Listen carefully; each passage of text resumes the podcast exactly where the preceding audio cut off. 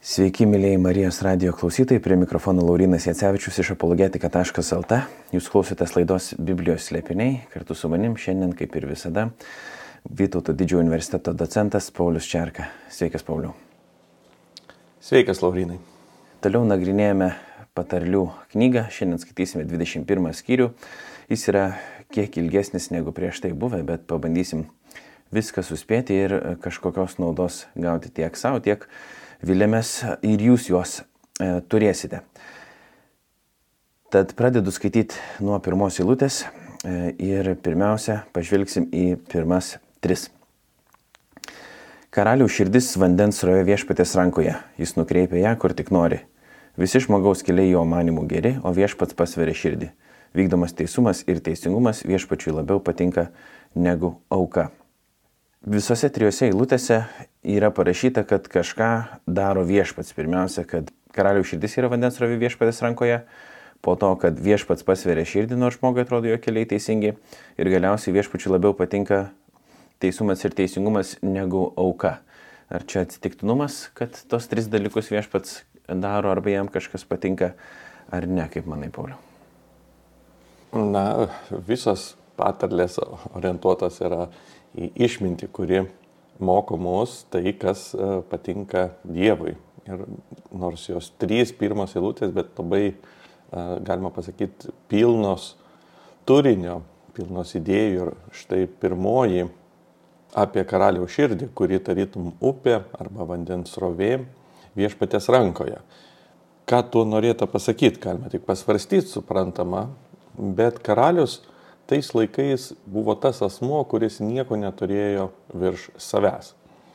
Šiandien mūsų aukščiausios valdžios turi tokį stabdžių ir atsvarų principą demokratiniai visuomeniai, kažkuria prasme jos kontroliuoja vieną kitą tam tikrų būdų, bet e, monarchiniai sistemoje karalius yra ta valdžia, kuri nieko neturi virš savęs. Ir sakytume, jeigu mes turime išties laisvą žmogų, tai tas laisvas galėtų būti tikrai jau karalius, nes jis neturi virš savęs nieko.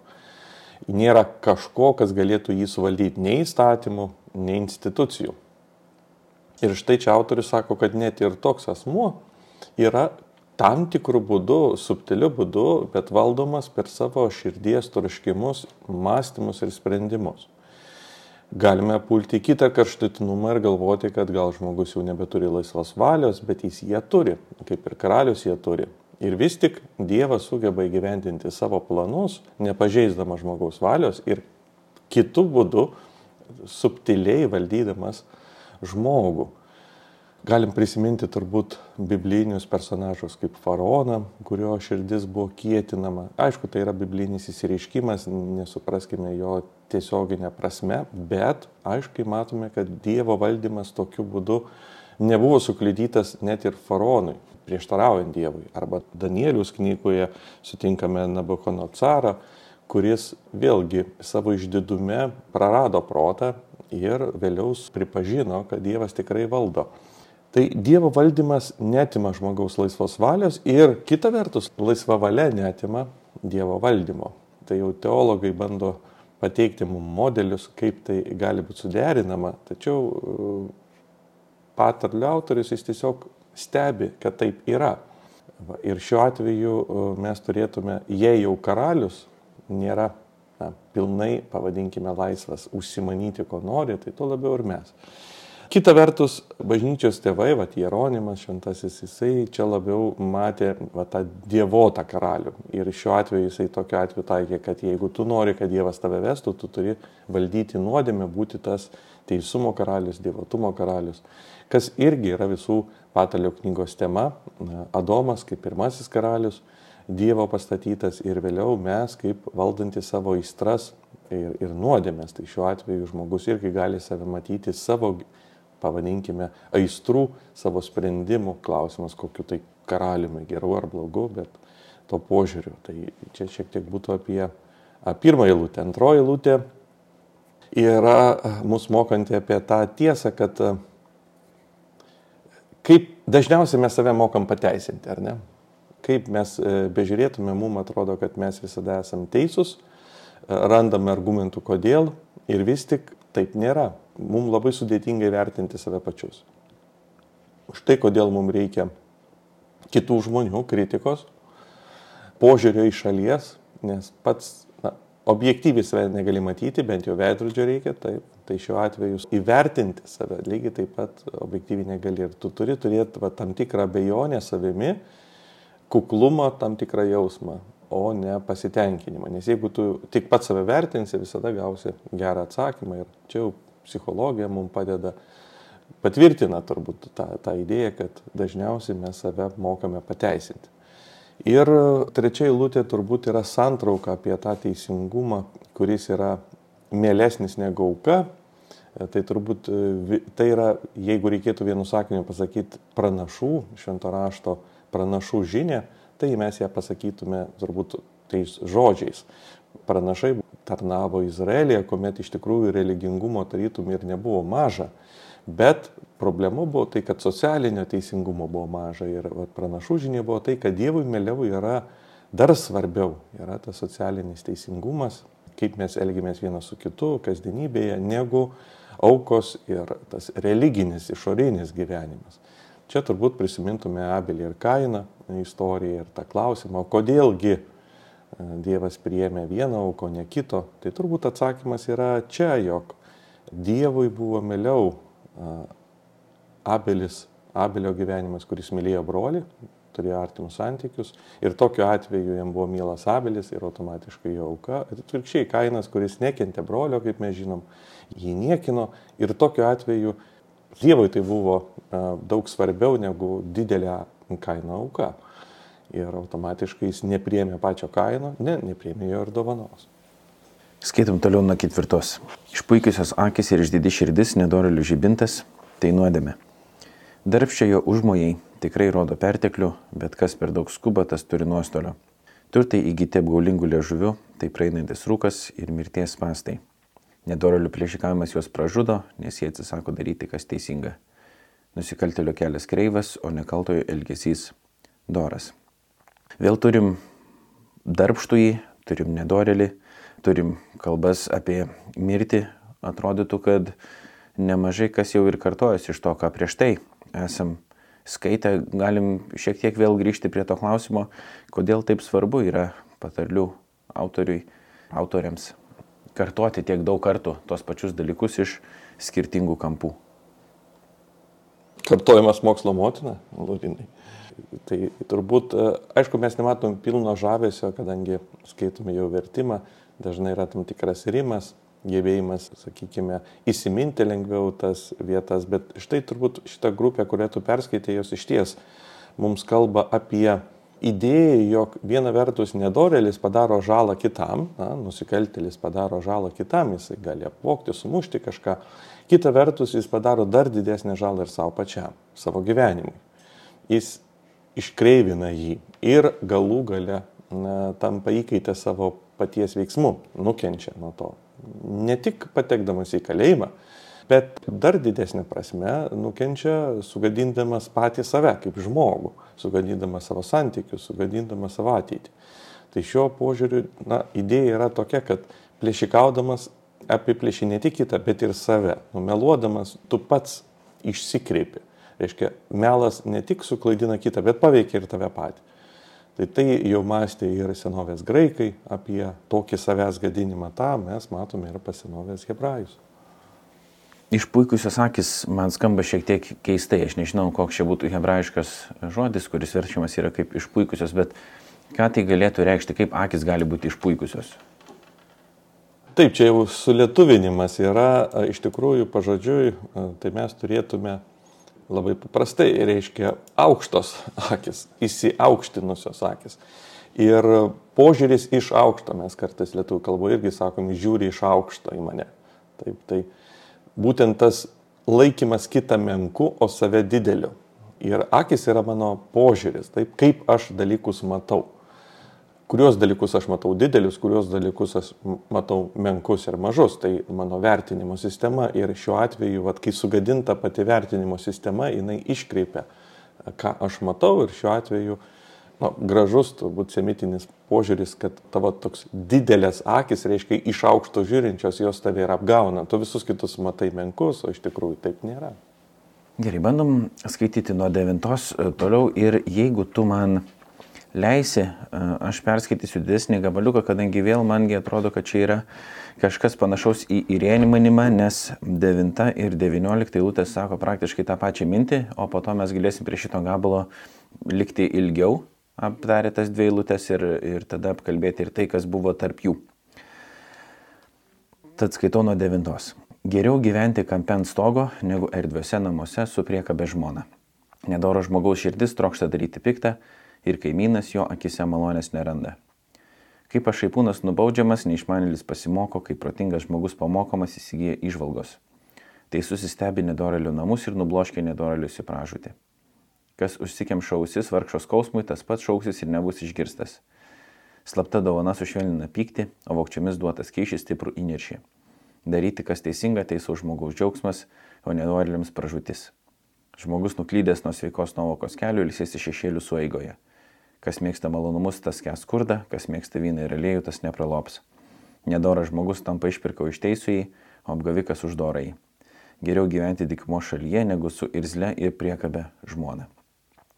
Atrodo, patarlių autorius, tas, kuris rašė konkrečiai šitas galbūt buvo patyręs kažką tokio panašaus, kad jis sako geriau gyventi kampe ant stogo negu sirzlė žmona arba dikumoje, bet ar čia tiesiog toks praktinis pastebėjimas, kad yra sunku, kai namuose yra vaidai arba nuolatinis zirzimas ir irzlumas, ar čia yra kažkokia gilesnė mintis, nurodanti ir į dvasinę realybę?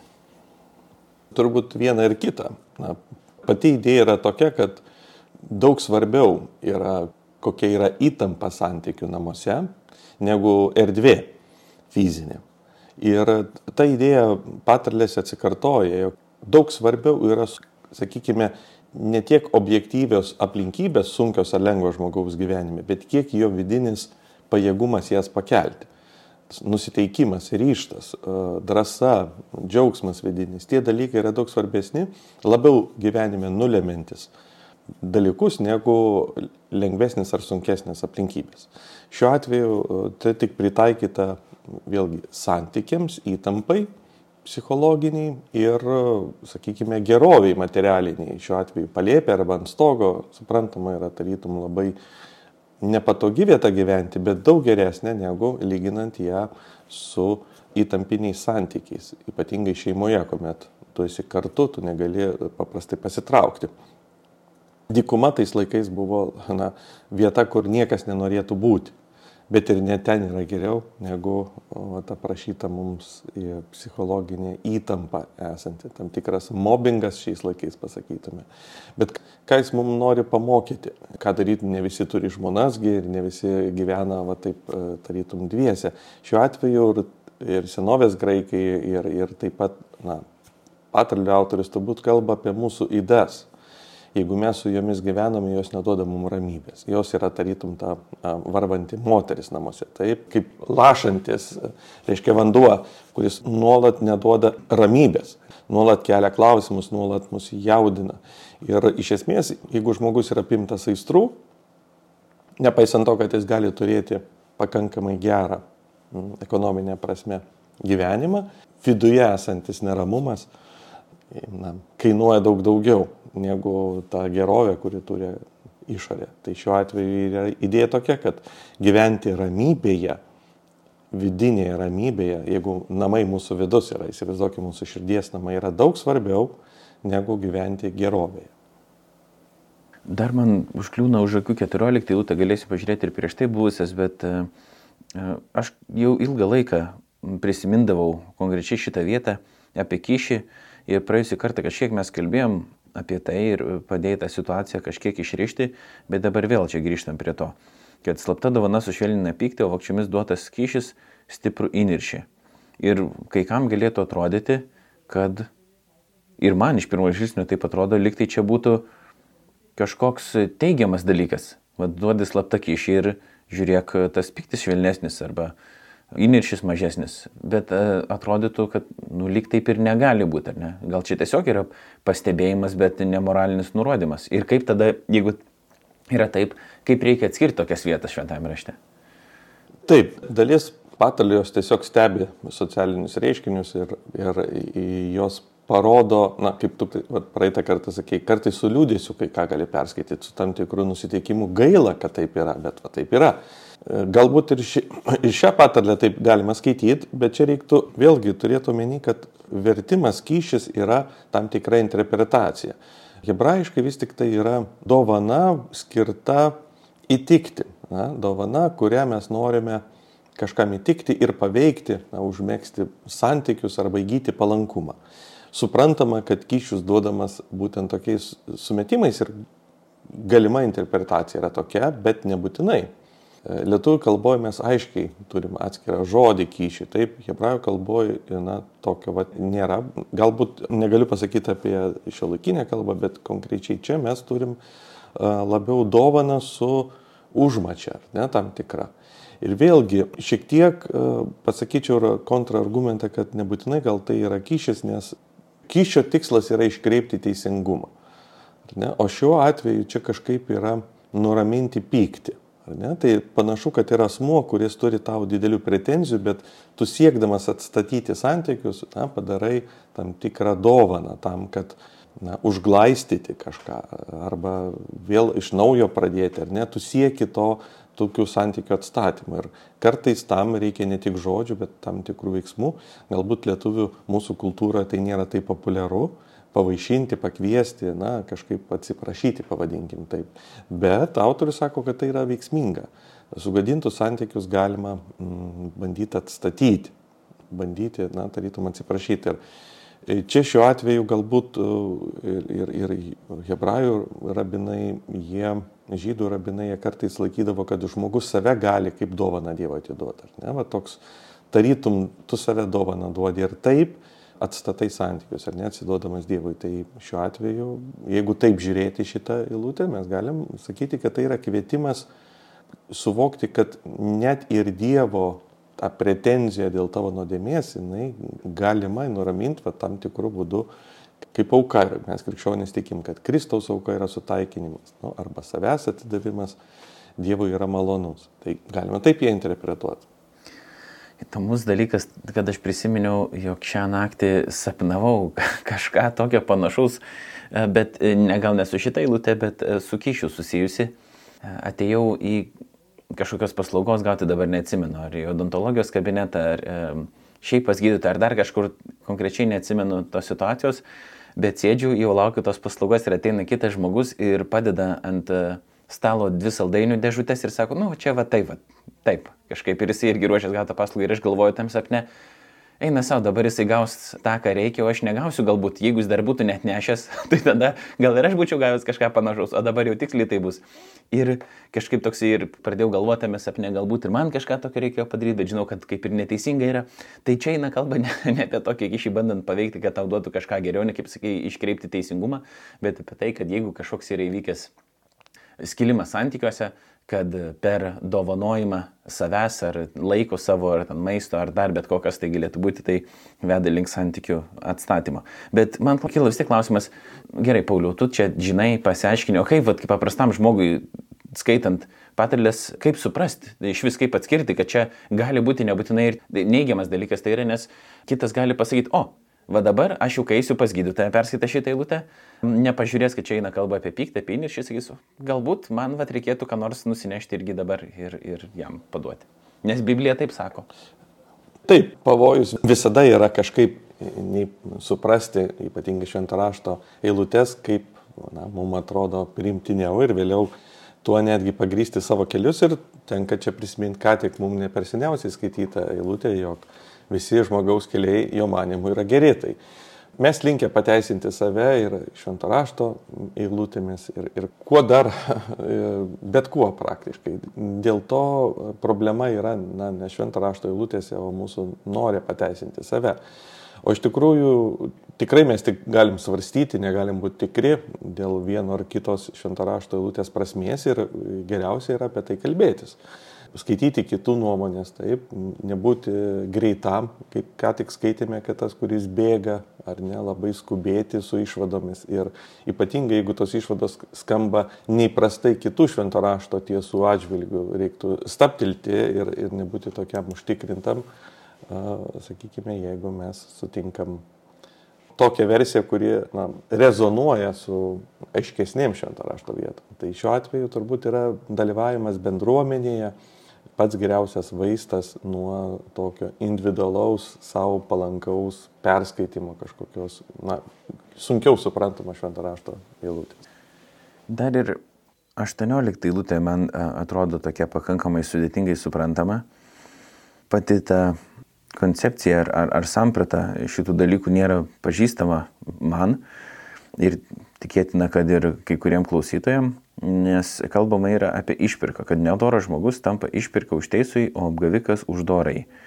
Kaip reikėtų suprasti, kad nedoras žmogus ir apgavikas tampa išpirkomis už teisų ir dorai.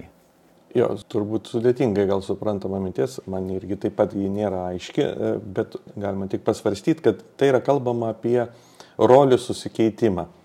Taip, jei neteisusis pirmoje dalyje arba pirmam sezone yra tas, kuris persiekė, apšmeižė teisų ir, ir dėl jo to klaidos teisusis patenka į kažkokias tai problemas, tai antram sezone jie susikeičia ir šiuo atveju į jo vietą sakykime, na, įteisėjo tą bausmę patenka kaltasis. Tai mes gal Danielių galim prisiminti istoriją, kuomet jis buvo įskūstas neteisingai, įmestas į liūtų duobę, bet istorija baigėsi tuo, kad į tą duobę vėliau buvo įmesti ir jo kaltintojai. Tai va, tas apsikeitimas pačiam, pačiam, pačiam gale, jisai nurodo, jog Dievas iš tikrųjų nekaltojai apgina ir pritaiko tą pačią, na, galima pasakyti, bausmę, kurią klaid, melagingai buvo bandyta pritaikyti teisėjam. Ir dabartinė mūsų baudžiamajam kodekse tokio nuostatos nėra, bet būdavo daugelį tautų istorinės tokios nuostatos, kad jeigu yra melagingas liūdėjimas, tai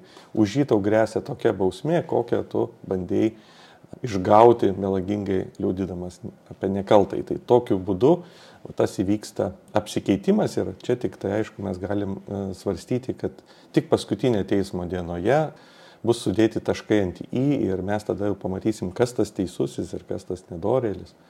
O dabar anksti yra dar, taip, na, sakykime, būti tuo užtikrintų.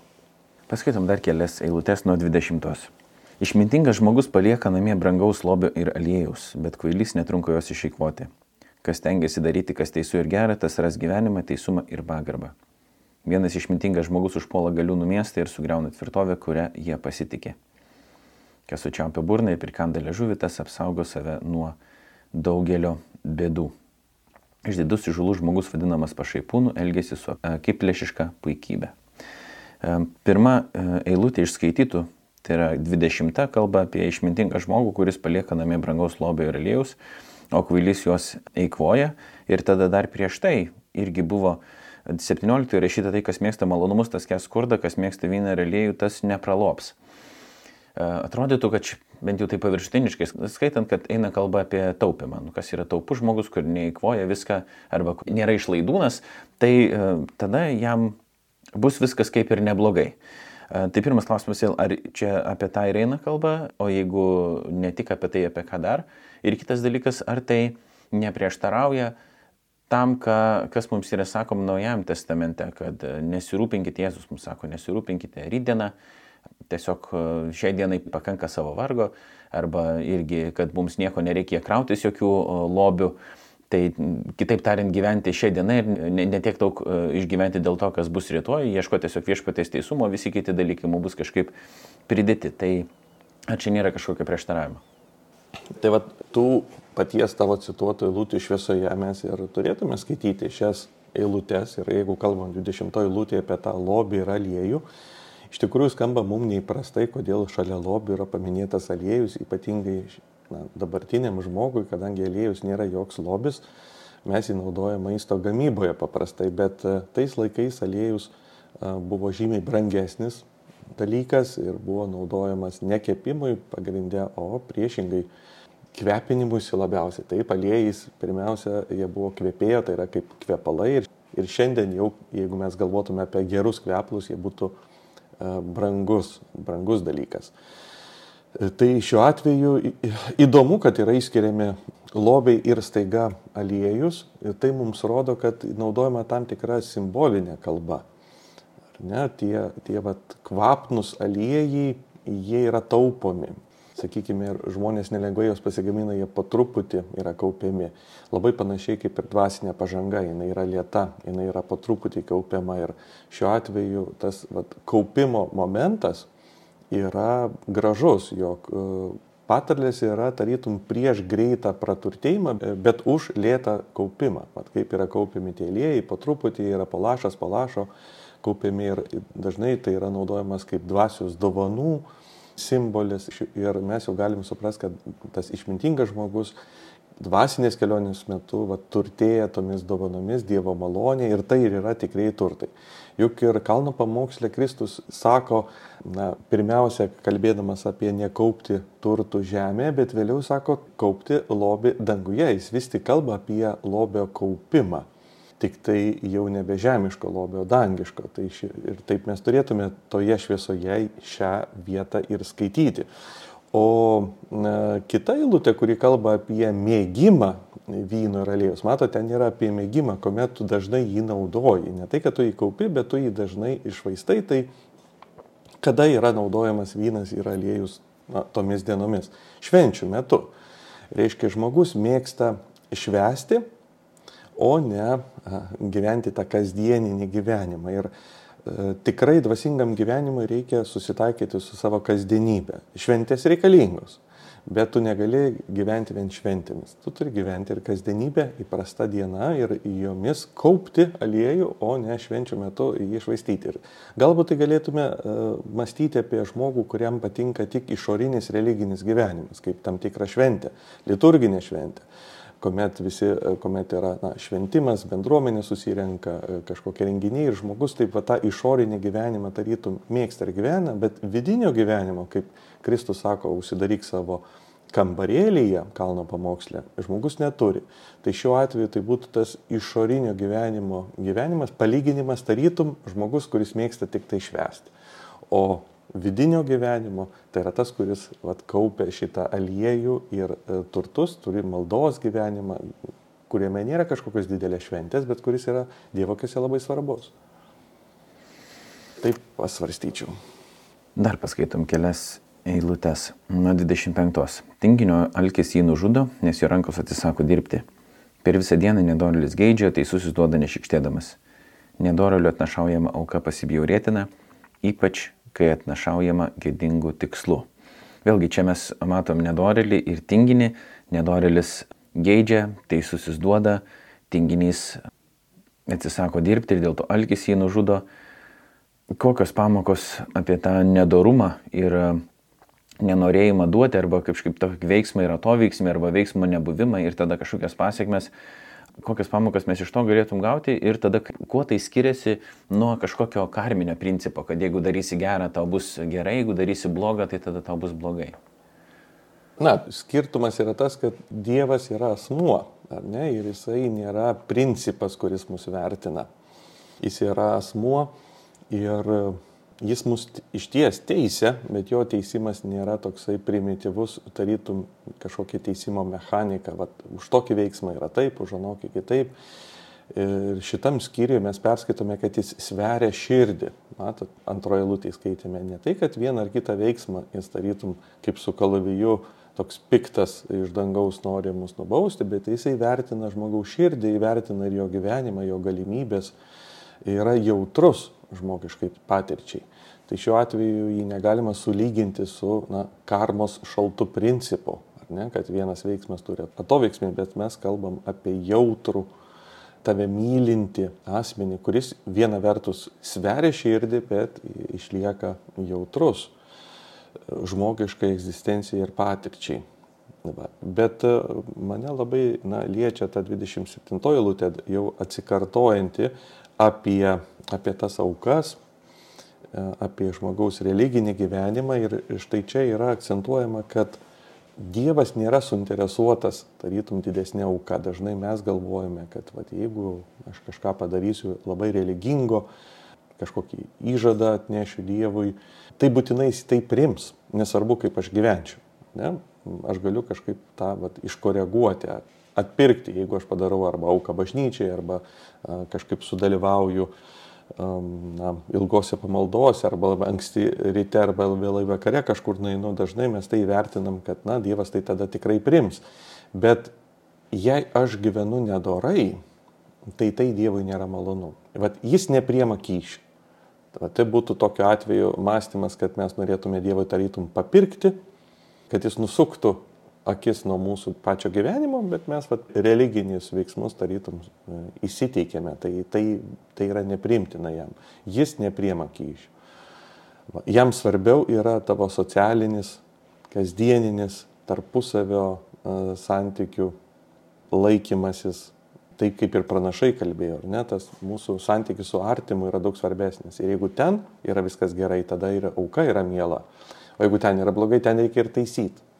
Vat būtent ir kalno pamokslė Kristus sako, jeigu tu žinai, kad brolis turi kažką prieš tave, grįžk, sustabdyk tą auką, neaukok jos, grįžk pas broliai, įsispręs klausimą ir tada grįžęs aukok. Ir čia tas pats pasakyta, kad pati auka, Dievas nėra ištroškęs kažkokio religinių aukų, bet jis nori pradžiai, kad žmogus mylėtų savo artimą, o tada jau jam bus primtina ir auka. Tai vad, sakyčiau, tai yra labai svarbi pamoka, kurią mes nuolat pamirštame patys, kažkaip tai, tai pamoka, kurią reikia savo priminti ir ypač Abelio kaino istorija, jinai mums va, pirmoji aukoji, kurią prašo šventasis raštas, pirmam aukojime mes ją ir sutinkame. Kaip atsakymą, kodėlgi Abelio auka buvo priimtina, o kaino ne. Būtent todėl, kad Abelis mylėjo savo brolį Kainą, o Kainas nekentė savo brolio Abelį. Tai tada kyla klausimas, jeigu taip yra, Kokią vietą tada krikščionio gyvenime turi iš vis tos religinės apėgos, nes kiti sakytų, tada jeigu viešpats mato tik širdį ir tą vidinį gyvenimą, ir išorinį gyvenimą, bet ne religinių apėgų pavydalu, tai kam tada iš vis jų reikia? Tiesiog mylim Dievą, skaitom, pagėdam, kaip sakyti, ir stengiamės gyventi pagal jo valią, bet tada reikėtų atsisakyti apskritai visų religinių apėgų, kokios jos bebūtų vienoje ar kitoje konfesijoje. Jo, Patarlės juk nesako, kad Dievui jokios aukos nepatinka. Jam pasakyta 27 lūtė, kad tai yra neteisiojo aukos jam nepatinka. Tai pirmiausia, jam yra rūpi žmogaus teisumas, kaip jis gyvena. O jau paskui antroji vietoj. Taigi jam rūpi aukos, bet jos yra na, numeris du hierarchiniai sekoj. Taigi šventas raštas ir pranašų knygos, kurios viena vertus kritikuoja izraelitų labai gausias aukas, visų pirma kritikuoja ne pačias aukas, bet kritikuoja neteisingą socialinę prasme gyvenimą ir tarytum jį užglaistimą tomis religiniu aktyvumu. Štai kas Dievui nepatinka, kai religinis aktyvumas yra skirtas užglaistyti mūsų kasdienybės įdas bendravime, ar ne, tą neteisingumą savo artimą atžvilgiu. Štai kas nepatinka, bet jeigu viskas yra gerai su mūsų santykiai su artimu, tai, paraš, tai mes taip pat žinom, kad Dievas džiaugiasi e, aukomis. Tai yra santykis. Tokiu būdu mes turime, e, ką ir patarlės nuolat kartoja, kad Dievas ir žmogus turi santyki, panašiai kaip draugas. Taip pat, vat, kai mes sutinkame patalės apie draugystę, tai jos moko mus ne tik apie na, žmogiškos draugystės dėsnius, bet jos tarytum ir sako, kad religingumas taip pat yra draugystė su Dievu. Ir šiuo atveju vat, tai tampa jau tada dovana, kuri puoselė draugystę. Ne? Tai, tai šiuo atveju tikrai Dievas na, nedraudžia religingumo, bet jį stato, subordinuoja mūsų artimo meiliai. Pabaigiam skaityti skyrių. Melagingas liudytojas bus sutrikdytas, bet kas tikrai žino, tas paliudys sėkmingai. Nedoras žmogus išžulus, o doras kreipia dėmesį į savo kelią. Nėra nei išminties, nei supratimo, nėra nei patarimo prieš viešpatį. Žirgas balnojimas mūšio dienai, bet pergalė priklauso nuo viešpatės. Kadangi turim vos uh, kelias minutės, gal nežinau, ar užbaigsim šitą eilutę, arba jeigu dar kažkas tau šausi galvą, tai galėsime ir apie tai pakalbėti, bet paskutinė eilutė apie žirgą balnojimo mūšio dienai jinai šiek tiek iškrenta iš tų paskutinių eilučių konteksto, bet labai stipriai siejasi su tai, ką mes skaitėm ir pradžioje, ir per vidurį. Ir kad e, galima galvoti, kad tavo kelias yra teisingas, bet e, viešpats pasveria širdį, karaliaus širdis yra srovė viešpatės rankoje, o čia dabar balnoji žirga mūšių dienai, kažkam ruošiesi, bet vis dėlto pergalė nuo viešpatės priklauso.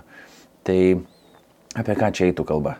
Na, apie tai, kad mes visko nevaldome.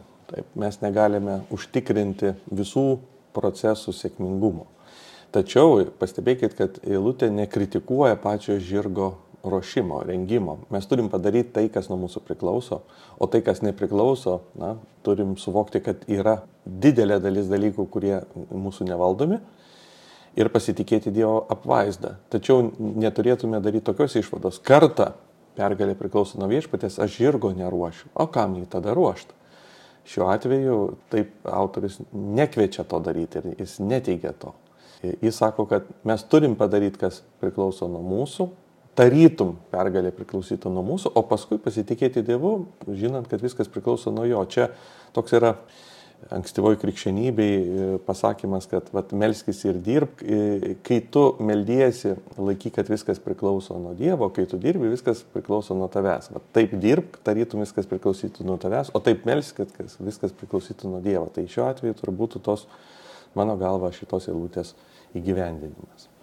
Išbaigti galima dar e, matyti tuo pamastymu ir klausimu, kai kurie žmonės būtent apie maldą ir sako, jeigu vis tiek viešpats e, viską nuspręs ir nusprendžia ir ta pergalė priklauso nuo jo, tai kam ir melstis tada? Gerai, dar dirb, dirbti, bet e, melstis kam tada, jis vis tiek viską žino, jau dar mums neištarus žodžio, jis žino mūsų visus širdžių sumanimus, yra viskas suplanavęs ir sudėliojęs, kadangi jis yra suverenus, Tai kai kurie, iš tikrųjų, aš praktiškai susituriu su žmonėmis, kurie apleidžia savo maldos gyvenimą, prieidami prie tokios išvados ir mato tiesiog, kad yra nereikšminga. Tai kur čia yra problema? Jo, problema yra, kad mes įsivaizduojam, kad viskas įvyks ar taip, ar taip vienodai, bet e, šventas raštas to nesako, nors jis sako, kad pergalė priklauso nuo viešpaties, tačiau pats viešpats jie teikia ar ne taip pat remiantis tam tikrų na, motivavimų. Jis nėra atsitiktinumas, visiškas chaosas, ar ne? Toksai, jis nėra pristatomas kaip veikiantis asmuo netvarkingai. Tai reiškia, kad kai kada jis pergalę teikia kaip atsakymą į prašymą. Taip, jį priklauso nuo jo, bet jam patinka ją suteikti tam, kuris jos trokšta ir jo, ir jo ilgisi.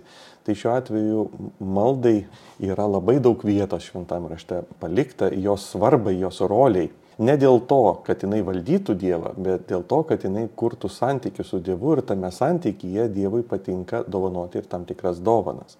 Tai šiuo atveju nėra jokio konflikto nuo teiginio, kad Dievas viską valdo ir nuo to, kad mūsų maldos yra be galo svarbios. Abu teiginiai yra neprieštarauja vienas kitam, yra suderinami. Tuo labiau, kad malda nėra vien prašymas irgi tą tikriausiai reikėtų atsiminti, ne, kad kai tu mini, kad tai yra bendravimas, santykis su Dievu, tai Santykis nėra paremtas nuolatiniu prašymu vien tik tais, tai toks transakcinis gaunasi santykis. Um, gerai, dėkoju tau, Pauliau, už um, išvalgas. Kitą kartą kalbėsime apie patarlių 22 skyrių. Dėkojom visiems, kurie esate, buvote ir viliuosi būsite kartu su mumis. Dar kartą primenu, kad kalbėjome šiandien su Pauliumi Čerka, Vytauto didžiojo universiteto docentu, aš Laurinas Jancevičius, padėjau šitą pokalbį vesti. Tad iki kitų susitikimų ir sudėv. Sudėv.